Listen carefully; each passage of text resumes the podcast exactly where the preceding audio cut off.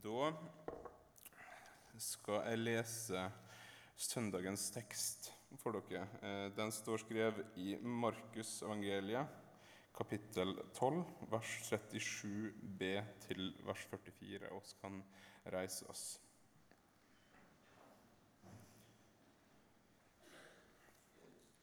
Den store folkemengda hørte gjerne på Jesus, og mens han underviste, sa han:" Pass dere for de skriftlærde.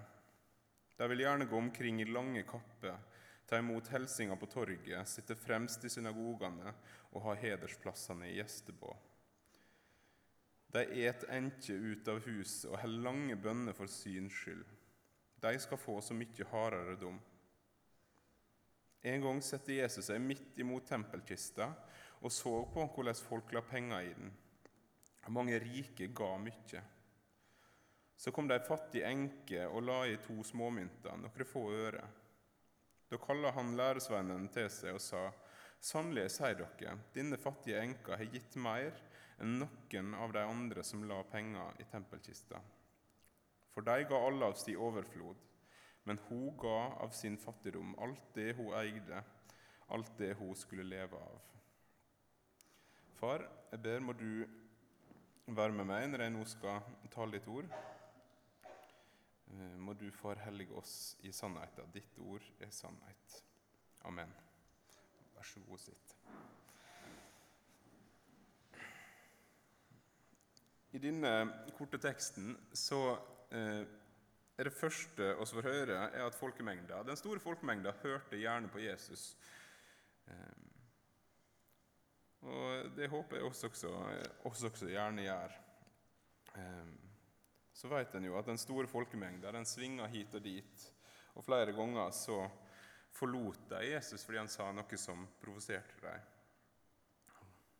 Og Da lurer jeg på hva er oss når oss blir provosert av det Jesus sier? Går oss vekk, eller lar oss det prege oss? Og Kanskje er det Jesus sier her, noe som, som kunne eller som skulle eh, provosere oss lite grann. Det første han sier når han underviser, er 'pass dere for de skriftlærde'. Når Jesus snakker til de skriftlærde, så er det ikke uvanlig at han tar en litt røff tone, at han ikke akkurat eh, er så positiv i møte med dem. Men aldri, så vidt jeg vet i hvert fall, aldri er det fordi de kjenner Skrifta godt. Det er ikke en uting å kjenne Skrifta godt. Problemet med de skriftlærde det er det som Jesus nevner i det videre. Det har veldig lite med at de kjenner Skrifta å gjøre, eller at de har fått den kunnskapen som de har fått.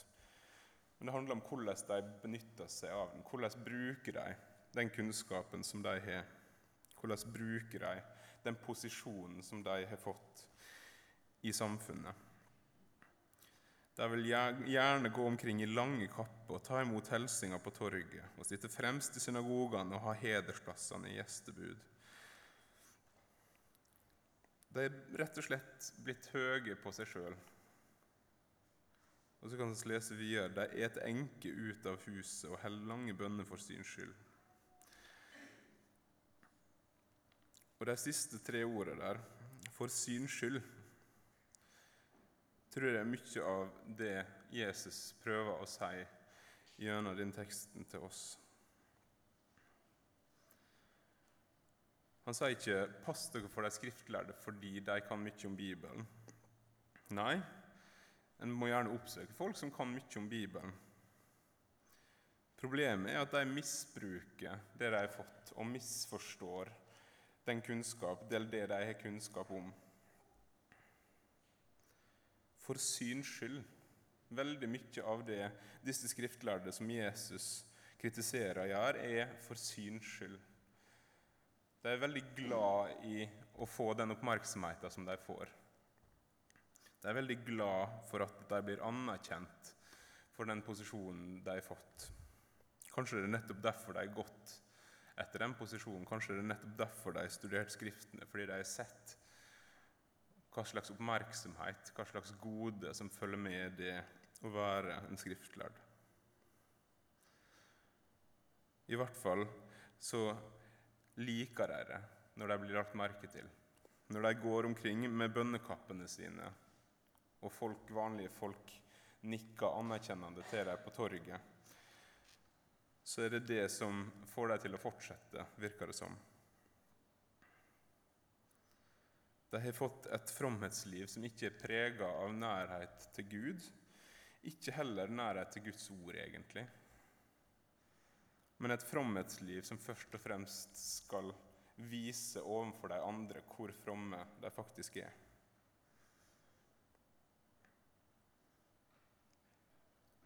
Det tror jeg er aktuelt for meg, og det tror jeg er aktuelt også for oss.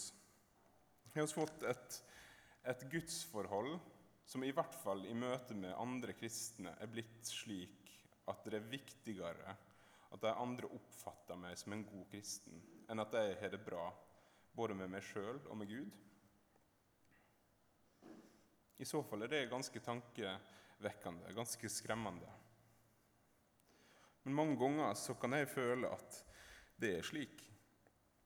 Mange ganger så eh, møter jeg kristne som jeg ser opp til, og får plutselig et brennende ønske og en voldsom trang til å vise at jeg er flink, at jeg er bra, at jeg duger. Eh, at jeg sier de rette tinga. At jeg ser og ter meg som en god kristen.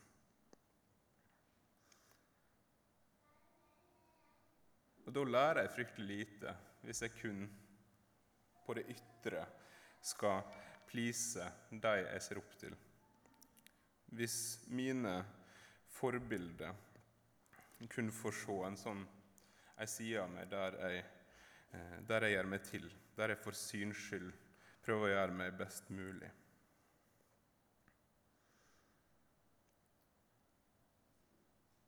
Hva har vært på en måte fromhetsfrase? Hva har vært sånne ting som en sier, men ikke mener?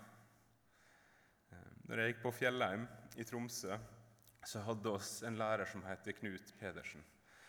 Og Han fortalte alltid, hvert kull på Fjellheim, så vidt jeg forsto, fikk høre om hans mentor, hans på en måte, han som hadde trent han når han var ung forkynner. Han som han hadde gått og snakka med. Hvis han lurte på noe om en tekst, så gikk han til, til han her. Og han heter Kåre. Og han Kåre hadde vært en, en forkynner som var mye rundt om på Sørlandet. Og så hadde han på et eller annet tidspunkt da, sikkert vært rundt og hatt møte i månedsvis uten pause, og så hadde han gått drittlei det at folk på bedehus drev og sa ja, jeg er så stor en synder, men ikke mente noe mer. Eh, og Det hadde han jo selvfølgelig, som den høflige karen han var, holdt for seg sjøl. Eh, men så hadde han en dårlig dag, eller et eller annet. Han hadde i hvert fall plutselig fått nok. Så skulle han bo hjemme hos meg, ei gammel misjonskone. Og De satte seg ned og skulle ete kvelds, og så kom det fra henne at 'Å, ja, jeg er så stor en synder'. Og da small det tilbake fra han her, da. 'Ja, jeg hører de si det på bygda.' Og da snudde det i løpet av et sekund. Hvem er det som har sagt det? Hvem er det du snakker med? Hva er det de har sagt nå? Og Sånn kan det fort bli med oss også. At å si en masse fraser som kan være sanne nok. Altså, Denne dama var jo en synder, og så er alle syndere. Men det hadde blitt ei frase for henne. Det hadde blitt noe hun sa til denne forkynneren som var på besøk, for å vise at jo gjorde. Jeg kjenner kodene.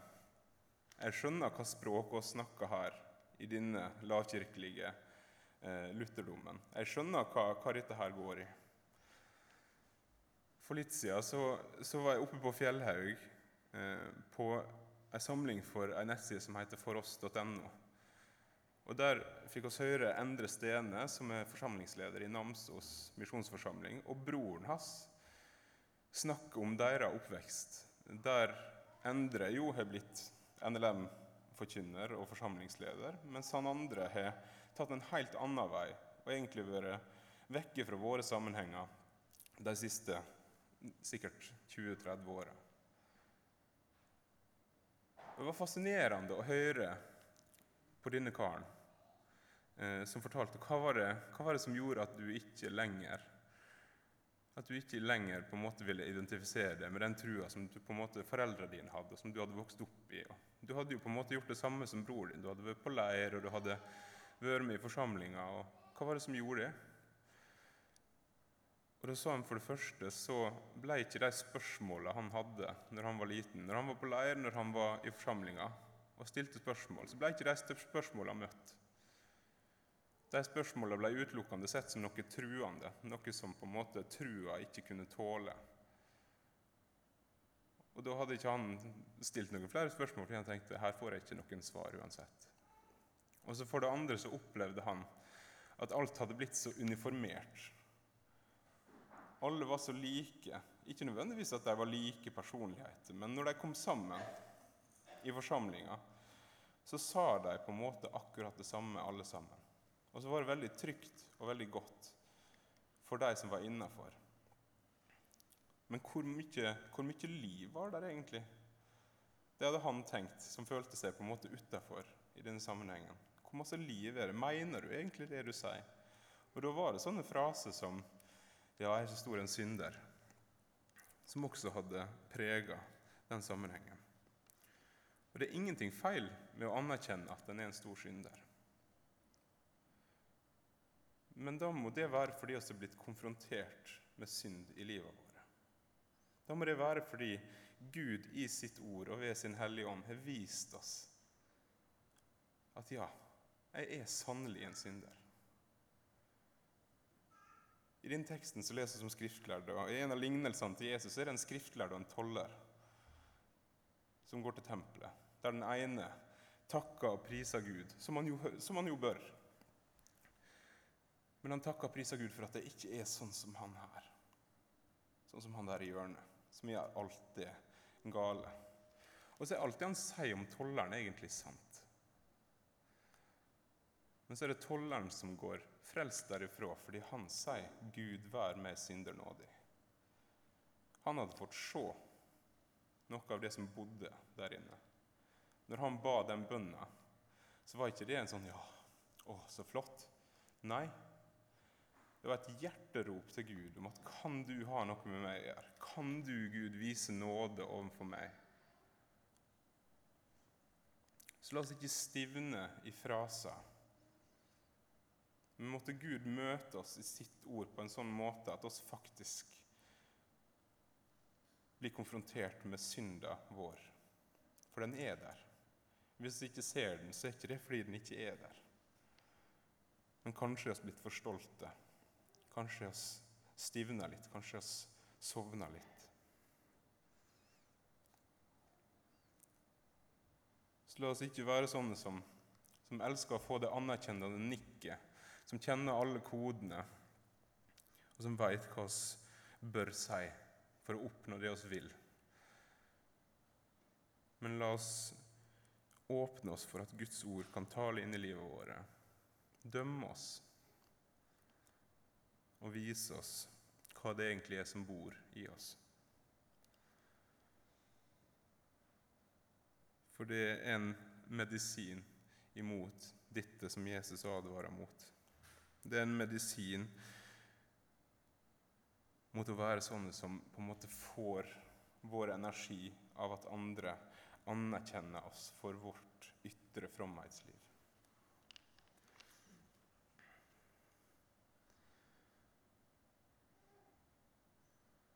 Så er det også en medisin for å møte mennesker som er utafor fellesskapet vårt, på en god måte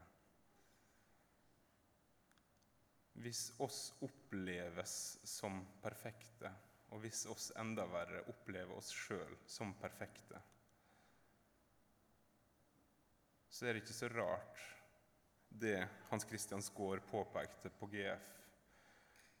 Når han talte, så sa han oss er kalt til å være sannheten tru i kjærlighet. Og kanskje oss være mer kjent for å være sannheten tru enn for den store kjærligheten vår. Og Det ble et tankekors for meg. i møte med folk som tenker annerledes, som har mye bagasje, som lever annerledes og kommer inn dørene hos oss, er tydelighet det viktigste. Og misforstå meg rett, jeg tror tydelighet er viktig. Men hvis vi kun møter mennesket med tydelighet, hvor kjærlig er det? Hvis vi bare er tydelige, har vi da truffet målet?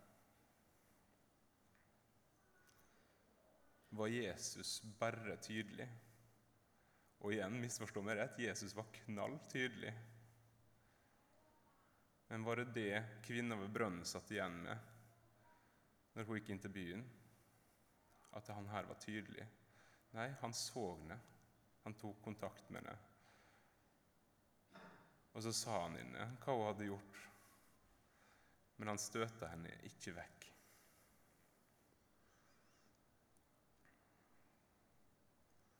For at oss skal møte folk utafor på den måten som oss sjøl trenger å bli møtt, så må oss kanskje på nytt få et møte med oss sjøl gjennom at Gud i sitt ord viser oss at sannelig er jeg en synder.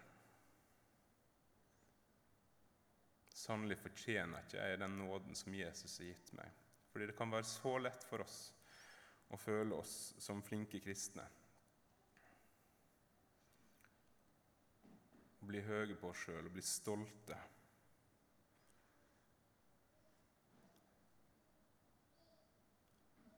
Men når vi møter oss sjøl i Guds ord, så tar det vekk den stoltheten, og så står vi der igjen og trenger nåde igjen. Trenger igjen å få møte Jesus på korset. Trenger igjen å få møte Jesus som sier 'Heller ikke jeg fordømmer deg'. I den siste delen av teksten så møter oss ei enke som gir alt det hun eier av penger, i tempelkista. Og Så konstaterer Jesus at hun har, denne fattige enka, har gitt mer enn noen av de andre som la penger i tempelkista. For de ga alle av sin overflod, men hun ga av sin fattigdom. Alt det hun eide, alt det hun skulle leve av. Og så merka jeg meg at Jesus tar ikke stilling til her i teksten var det lurt av denne enka å gi alt det hun eide. Han sier ikke 'gi alt dere eier', nødvendigvis, men han konstaterer at hun ga mest. For de andre gav sin overflod, men hun ga alt det hun hadde. Så tror jeg også at denne delen av teksten handler om mer enn penger. Det handler om et hjerte og et liv som blir lagt i Guds hender.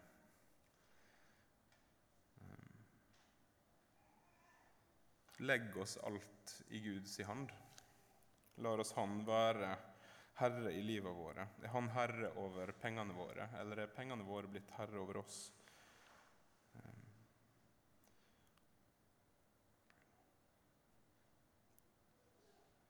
I misjonen har vi i år opplevd underskudd.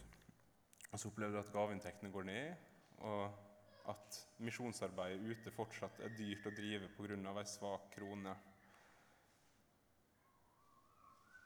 Og så har gaveinntektene gått ned, men på GF så opplever vi at vi får en kjempefengende, bra kollektale. Og så kommer det plutselig inn to millioner på ett møte. Og jeg jeg er av de som tenker at det er ganske kult at en samler inn nesten to millioner på ett møte. Men samtidig så lurer jeg litt på hva det er som gjør at gaveinntektene hos oss går ned.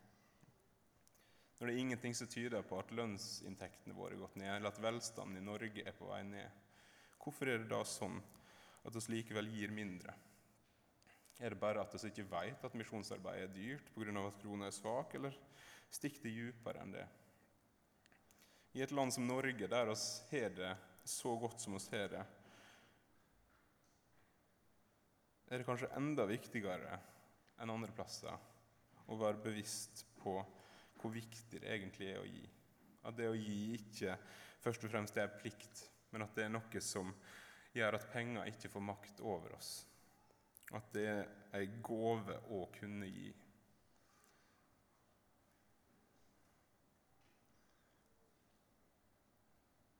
Denne fattige enka har gitt mer enn noen av de andre som la penger i tempelkista. For de ga alle av sin overflod, men hun ga av sin fattigdom alt det hun eide, alt det hun skulle leve av. I starten av det avsnittet står det at mange av de rike ga mye. De ga masse, liksom. Men likevel så sier Jesus til hun her som har gitt mest.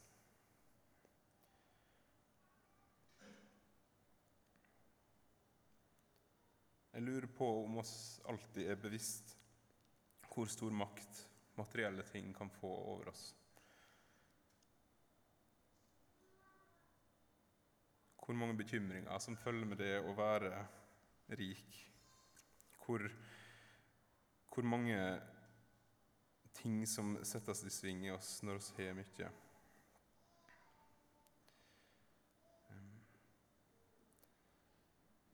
Så kan en tenke er dette her også bare en kollekttale? Vi skal jo tross alt samle inn kollekt etterpå. Men jeg håper at historien om denne enka, som jeg igjen vil påpeke Jeg er ikke sikker på om Jesus egentlig syntes det var en god idé av henne å gi alt det hun eide. Hva med, hva med ungene dine, hvis hun hadde det? Hva med familien som som plutselig kanskje satt igjen uten mat den dagen. Var det riktig av henne å gi alt? Det tar ikke Jesus stilling til i teksten, og det tar ikke teksten stilling til. Den konstaterer bare at hun ga mest. I Norge, og sikkert iblant oss, så finnes det også mennesker som, som har det trangt, og som kanskje ikke skal får dårlig samvittighet når folk som meg står og snakker om penger på den måten som jeg nå gjør.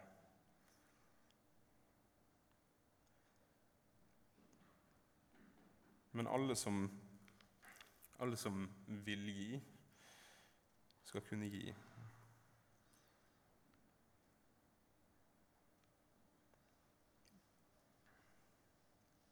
Til slutt vil jeg si enda litt om disse skriftlærde som Jesus snakka om.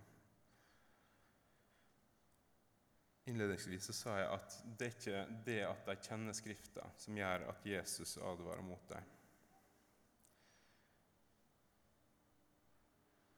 Det er at det ikke har gjort noe med dem. Igjen på GF så fikk vi høre eh, ifra Johannes' åpenbaring på bibeltimene.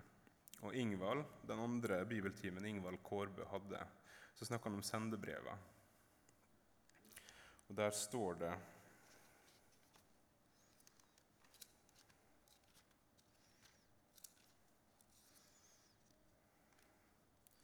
i Johannes' åpenbaring, kapittel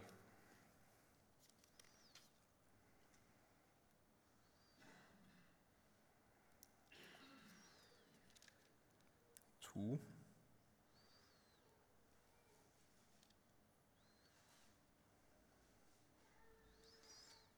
Nei, unnskyld, kapittel 3, tror jeg det er.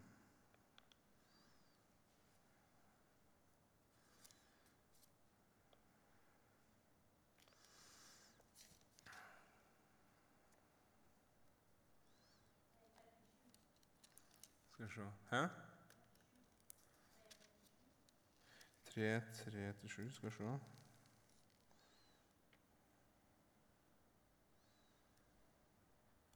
Skal vi se um.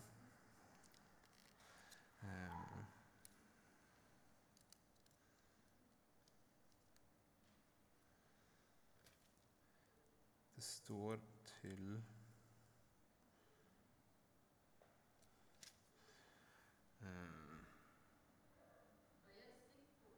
Ja, jeg kan gi et stikkord, sånn at uh, dere som, uh, som, kjenner tekstene, kan hjelpe meg. Det er de som har forlatt sin første kjærlighet.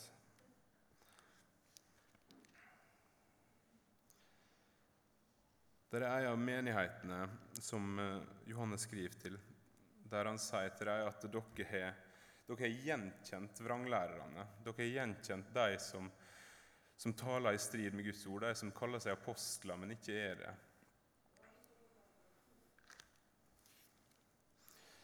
Og,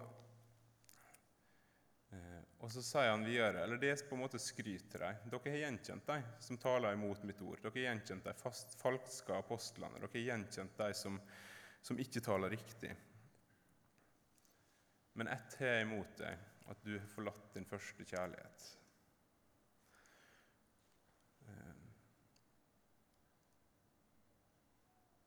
og det er kanskje min største frykt at, at det skal bli en sånn en som på en måte gjenkjenner alle feilene. At jeg skal bli en sånn en som, som ser alt det andre som kaller seg kristne, gjør gale. At jeg skal bli en som, som er veldig opptatt av å definere disse linjene. Og så kan linjene være riktig oppsatt, til og med. Men så elsker jeg ikke Jesus lenger så er ikke hans kjærlighet i meg lenger.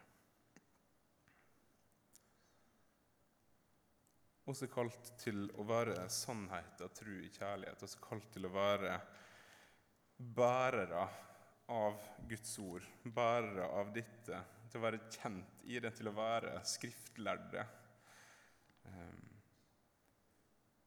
men så er vi også kalt til å vise hans kjærlighet at Bibelen og evangeliet kan få sette folk fri, og at Bibelen ikke først og fremst blir noe som oss slår folk i hodet med.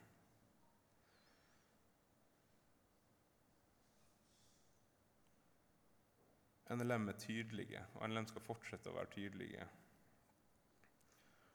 Og så må hver og en av oss som er en del av den store organisasjonen som driver alt dette flotte arbeidet, inkludert arbeidet her i misjonssalen. Så må oss bruke tid med Guds ord og la det ransake oss. Og så må oss ransake oss sjøl og se om oss er blitt sånne som Jesus advarer mot. Sånne som er fromme for fromheta si skyld og pga. de fordelene som det gir oss, enten det er et samfunn eller i en subkultur, en underkultur, som kanskje NLM kan beskrives som. Eller om det faktisk er fordi eh, er glad i Jesus. Og derfor er glad i mennesket. La oss be. Kjære Jesus. Du ser eh, den teksten her. Og du ser de skriftlærde som du advarer mot. Eh, må du hjelpe oss til å se om oss er på vei til å bli sånne som du advarer imot. Jeg vil be deg om at du gjennom ditt ord og ved Din Hellige Ånd viser oss at oss trenger deg. At oss ikke blåser oss opp og sier 'se hvor flink jeg er'. At vi ikke blir stolte. Eller enda verre at vi tenker 'Jesus trenger meg mer enn jeg trenger ham'. Må du vise oss i livet vårt det som er i strid med din vilje og med ditt ord. Må du gi oss og bøye oss for deg. Takk, Jesus, for den nåden som du har vist oss. Jeg ber må oss stadig få se hvor sårt oss trenger den. Må stadig få se underet at du ville ha oss, at du elska oss så at du ga deg sjøl.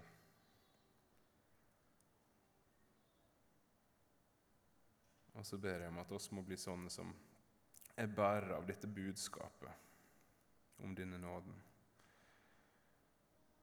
Og så ber jeg om at du må gjøre oss sannhet av tru i kjærlighet. Ikke uten sannhet og ikke uten kjærlighet, men begge deler på en gang, slik ditt ord kaller oss til. I ditt navn, Jesus. Amen.